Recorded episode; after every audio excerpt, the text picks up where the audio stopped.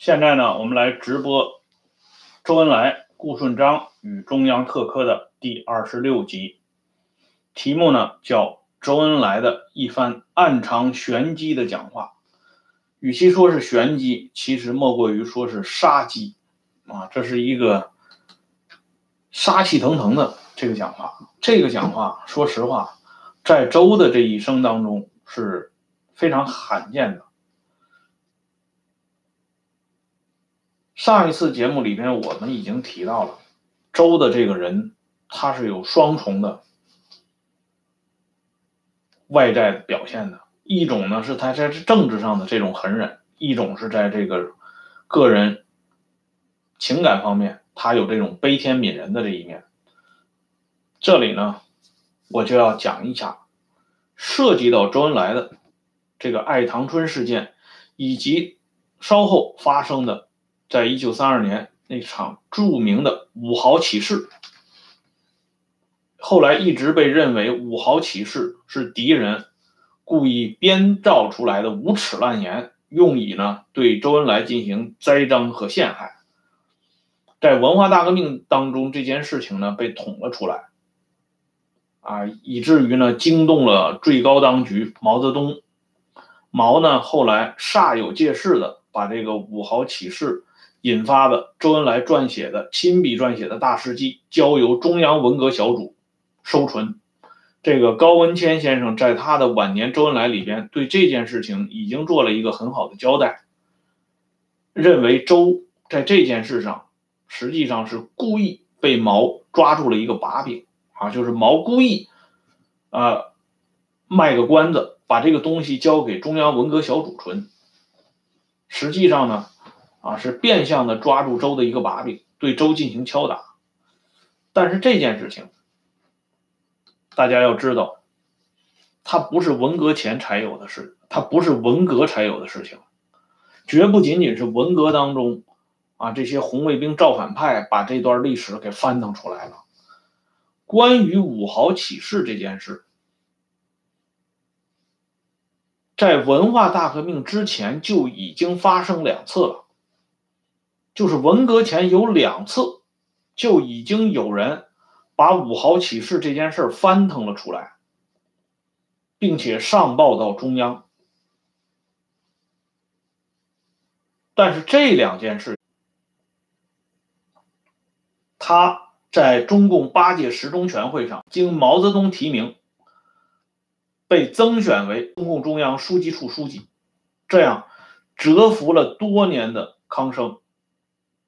从这个一九四五年中共七大之后，康生实际上就是处于一种半退休的状态。虽然呢，他在晋绥和鲁中区担任过书记，可是呢，那个时候他已经是从中央层面给贬低到地方上了，这才有了后来康生在相当长一段时间里与陈毅啊，居然有诗词。书法之间的往环，似乎呢，这个人闲性正浓，实际上是因为这个时候他已经坐了冷板凳的原因。但是到了一九六二年重提阶级斗争的时候，康生已经重返前线了。事实上呢，在一九五八年的时候，康生最早提出顶峰论，就是毛泽东思想是顶峰的。这个结论的时候，康生已经是逐渐浮出水面了。只是到了一九六二年，毛正式把这书记处书记的头衔还给了他。尽管这个时候的书记处书记跟严时代的那个书记处书记已经不可同日而语，但是康生这个时候已经正式走到了政治前台。所以康生当时呢，还有一项秘而不宣的工作。就是帮助，就是协助毛泽东主抓中央安全、中央国家安全方面的工作，这是毛泽东亲口交代给康生的。所以康生呢，两次压下来，关于。五豪起事的这件事情。至于康生有没有向毛泽东进行汇报，至少目前现在还没看到相关的资料。而提供啊，文革前就已经啊挖掘出五豪起事的这个事情呢，是吴庆同的回忆录里边说到的。吴庆同在文革当中曾经担任过总理办公室主任，所以吴庆同的这个回忆呢，应该是比较有价值的。他是这样写到的：他说，早在文化大革命以前，康生就曾先后在涉及这个问题的两份材料上批道，这完全是造谣污蔑。实际上，当时周恩来同志早已到了苏区去了，根本不存在这件事情。到了一九七二年三二月十八号，也是康生最早口述了一个记录，说五豪起事完全是国民党特务伪造，用来攻击污蔑我们党和周总理的。就是说，当年一九三一年一月，名义上还担任中共江苏省委宣传部部长，实际上人已经到了中央特委工作的康生，这个人选的选定。周恩来没有看走眼，康生保周恩来一直保到死。七二年二月十八号，距离康生一九七五年十二月十六号死亡，差不多也就仅仅剩了三年多的时间了。在康生人生的最后的时刻，仍然不忘了口述一个东西，为周恩来保驾护航。应该说，康生作为周。在东中央特科选定的最后一位助手，是尽到了他个人的全部的责任的，至少至于周是这样的。而周恩来呢，针对五豪起事，更主要的是针对由五豪起事引发的爱堂春事件。周在文化大革命当中，就是一九六七年九月一号。在北京市革命委员会扩大会议上，周恩来当着中央碰头会的几位重要成员的面说了一番极具玄机的话，或或者说是极具杀机的话。这里呢，我们要说一下，爱堂春事件发生之后，顾顺章痛不欲生，所以顾顺章当时呢，专门发了启事了。对周这些人进行了控诉和控告，当然，国民党当局呢也配合顾顺章对周恩来进行了全面的通缉。周呢，这样呢，在上海，他就留不下了，他就决定要离开上海。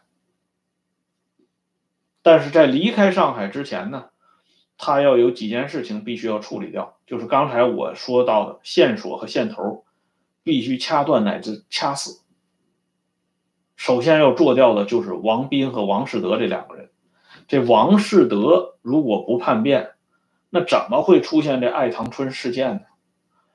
而这个中共官方史料一直在用五好起事这件事情做做掩盖，实际上掩盖的也是爱堂春这件事儿。因为周在他给毛写的那个大事记里边，就首先讲到了为什么会有五号起事，那是因为首先有了三一年五月份灭人家顾顺章全家这个血案，所以呢，这个爱长春事件和五豪事件，它是两者紧密相连的，因此，周在六七年九月一号曾经说了这样一番话，我给大家念一下啊。他说：“我知道有些人专门对我进行研究，把我历史上多少年的东西都找出来。我感谢他们。如果是好意给我提出来的话，句号。入党四十六年了，犯了不少错误，说了不少错话，写了不少错误的文章，但是我最终是要跟毛主席走的。”我还是要干下去的。现在我声明，对某些人的帮助我欢迎，只要他是善意的。但是，如果拿不存在的问题来要挟我，煽阴风点鬼火，搞阴谋活动，那我是坚决反对的。所谓的坚决反对，其实就是中央特科的一句行话。什么叫中坚决反对？就是坚决干掉。周恩来不是常有这种表表白的，这个人往往是深藏不露。这毛泽东说邓小平绵里藏针，实际上周的绵里藏针比邓藏的还要深。终其一生几乎没有露出什么实质性的马脚，整整的忽悠了若干代人呢。有很多人至今还在，呃，坠入周的这个迷梦中而不能自拔呀。但是周在这个六七年九月一号，针对五号起事这件事情，忽然发出这么一番讲话，应该说是别有深意的。这些话说白了也是密码传输啊，哒哒哒，就传输到了毛泽东等相干人等的头脑中，就是要告诉你们，同时也是警告那些还在蠢蠢欲动、想拿五号起事来作为邀功请赏、作为风息因子的人，你们要加小心了。我周恩来对这些煽阴风点鬼火的。那是坚决反对的。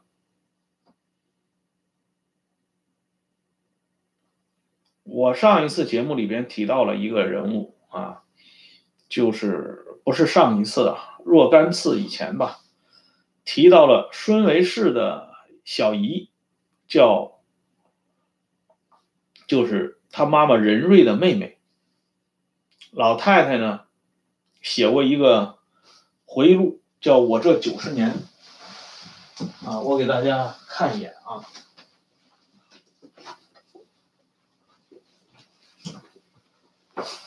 这个叫任君啊，这人均的这个回忆录呢，人均这老太太啊，大家上网查一查，老太太人还在，已经超过一百岁了。这老太太呢，曾经回忆过这么一件事儿，她说呢，在文革当中啊。就是专案组的人，军代表找他谈话。这军代表，这个人军呢，就是无意当中提到了周恩来，因为这个人家嘛，就是从他姐姐任瑞和他姐夫孙炳文的这个呃路线上，跟周恩来的关系呢是非常深的，所以任军就提到了周恩来，无意当中啊提到了周总理。然后这军代表啪的就拍了桌子，说周恩来算老几啊？一个军代表啊拍桌子说周恩来算老几？这个话呢，如果你就看到任军的这个回忆啊，你会认为这文化大革命真的应该就是只有两个老板，一个是前台老板江青，一个是后台老板毛泽东。否则的话，作为第三号人物的周恩来怎么能算老几呢？这只是揭示了一个层面。再一个层面，我可以告诉大家，就这个说周恩来算老几的这个军代表，这人后来就突然就失联了，失踪了，再也找不到了。所以由这些情况，我们再来看文革当中喧嚣一时的五一六事件，那也绝非偶然。这是毛周的一次重要的勾兑。这里呢，我要跟大家说一下，这个文革史系列也即将重新开讲啊，因为那个李瑞系列呢将告一段落，就是李瑞那个还有四集已经录好了啊，九月下旬开始给大家陆陆续续传到网上啊，播完这个李瑞系列呢就告一段落了。然后呢，我们这个党史杂谈。将集中两块，一块呢是讲这个白雀园疏区肃反，这个有朋友已经之前好长时间就预约这件事情了，而且我也答应了。这个白雀园红四方面军肃反这个讲讲完白雀园之后呢，我们要讲一下陈云和康生的关系，这两个人在历史上的恩怨纠缠是非常值得一提的，从延安时代就开始。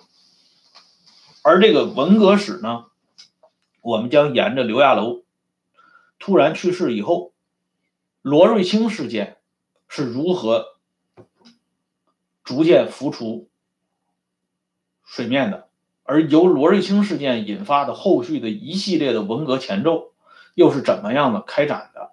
所以以后呢，我这个党史节目呢就是两条线，一个是党史杂谈，大家呢可以提一些要求。啊，这个咱们直播的时候，你们就可以直接打上。我没有现场回应，不等于我不知道。比如说刚才那期节目呢，有的朋友提到项英，项英肯定是要讲的，肯定要作为一个主题来讲。这个大家放心。张国焘呢，已经讲的七七八八了，因为在李锐的系列里边，关于张国焘的一些东西已经掏的很多了。而且李锐那个收官的那个四集里边，又讲了一下张国焘后边的事情。所以张国焘这个东西就不用再讲了，而且这《白雀园树反》里边也有张国焘的东西，张国焘就不再作为一个单独的系列拉出来。但是项英呢，包括项英深陷皖南事变这件事情呢，都会来讲一讲。高岗饶漱石、高饶事件，那更要作为重要的篇章来讲。但这些呢，都归到党史杂谈里边。文革史就是集中讲文革的这段历史，啊。我今天在这里呢，简单做一个插叙，就是为了告诉大家啊，这个接下来温相说党史这个节目，整个它的安排是这样的。那么周恩来的这番话呢，点出了这个问题的最为触及周恩来这个心头大忌的地方。那么接下来这个王斌，淞沪警备司令部督察长王斌的命运，那就可想而知了。在说到王斌之前，我们要说一个关键的人物。这个人物叫刘鼎啊，这是这个人的照片。这个刘鼎呢，也曾经出现过，在这个银幕上出现过。老电影《西安事变》拍过一个上下集，是由这个导演程荫导演的，西安电影制片厂拍摄拍摄的。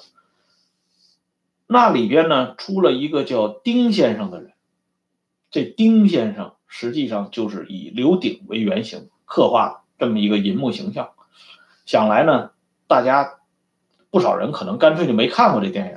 即使看过，对这个偶尔出现的丁先生印象呢也不会那么深。但是这部电影呢，《西安事变》这部老电影，我前前后后看了能有七八遍，啊，里边有一些台词我都还能记得。你像这个扮演张学良的这个演员金安哥，他无论是从形象啊，从气质上，啊，都是对张学良的一个特殊的拔高，演得非常好。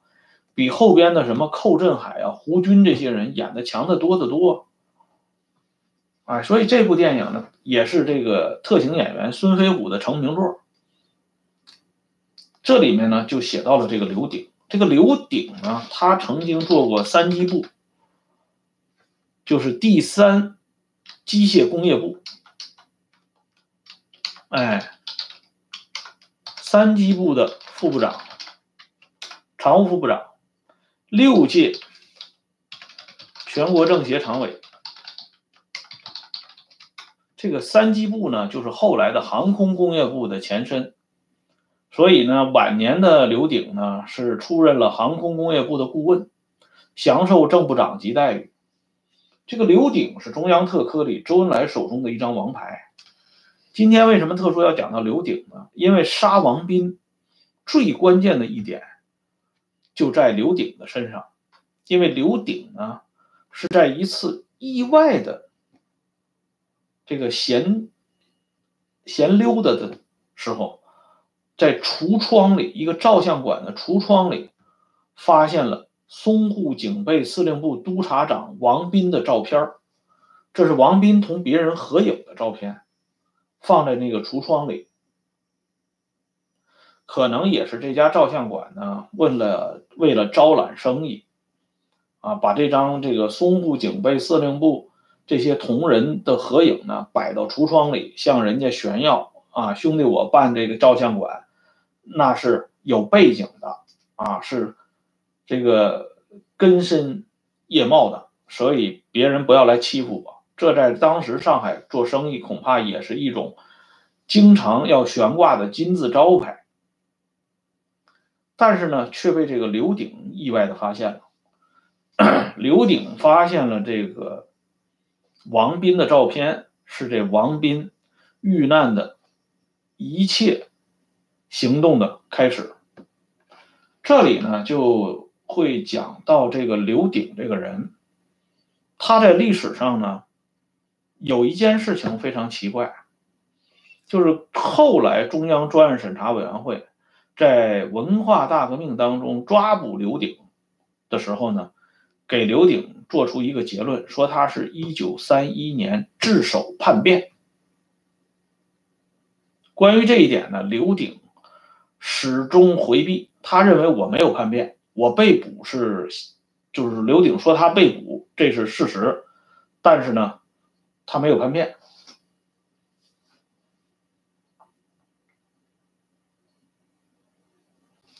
可是呢，就在刘鼎这个被捕时间上，也有值得商榷的地方。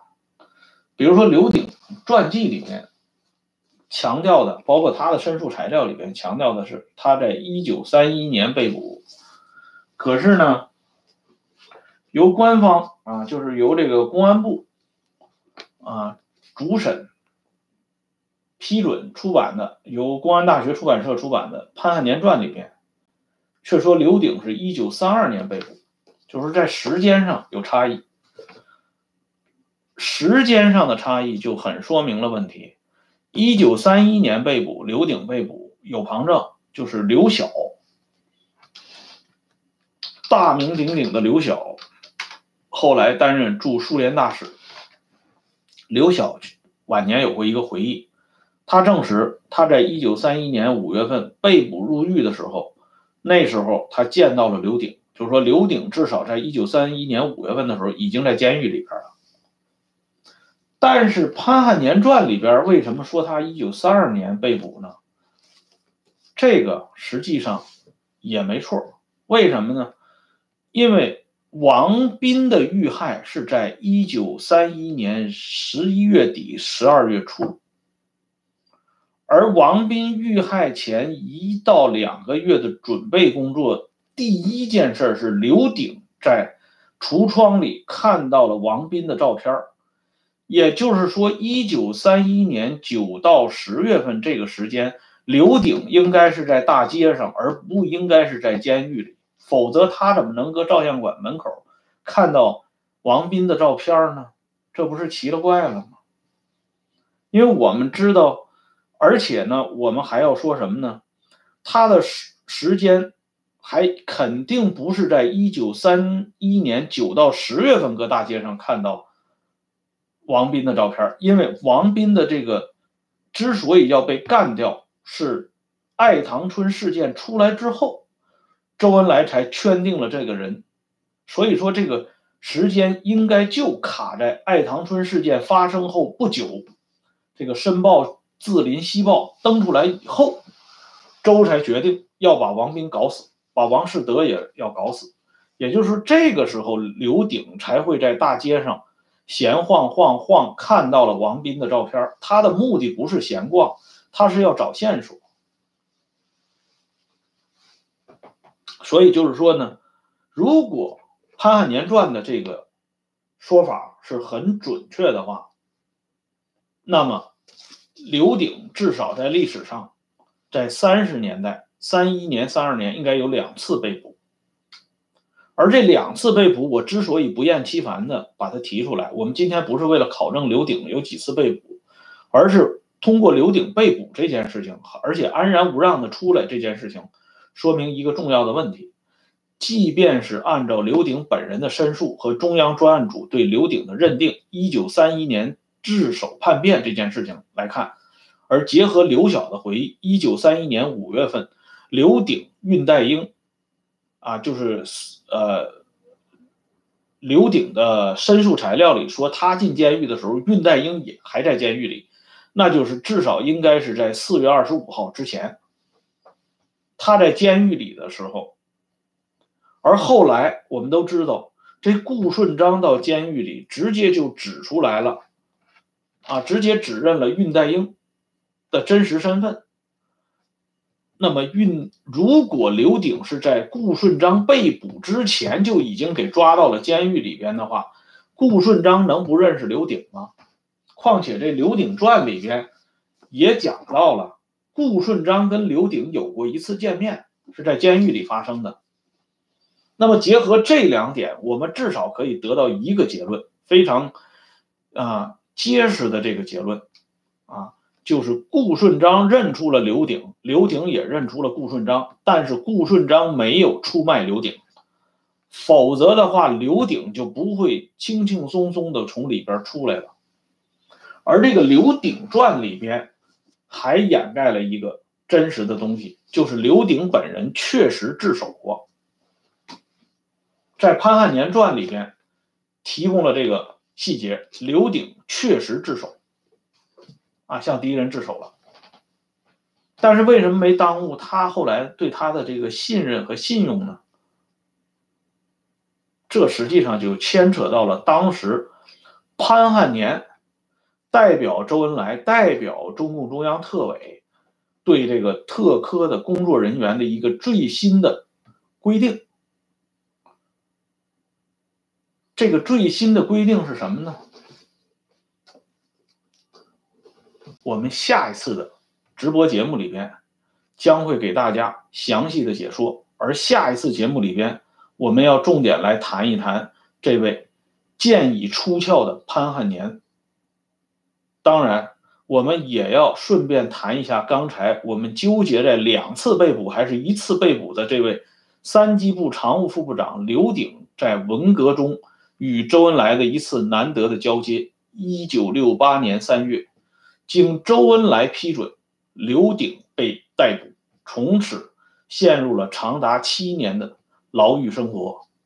这些话题，我们下次节目里边集中来讲。今天的直播呢，鉴于时间原因，已经十一点半了，大家也需要休息了啊。咱们呢就先暂时到这里，下次我们接着聊。谢谢大家，欢迎订阅《温相说党史》。如果您喜欢，可以随时打赏。再见。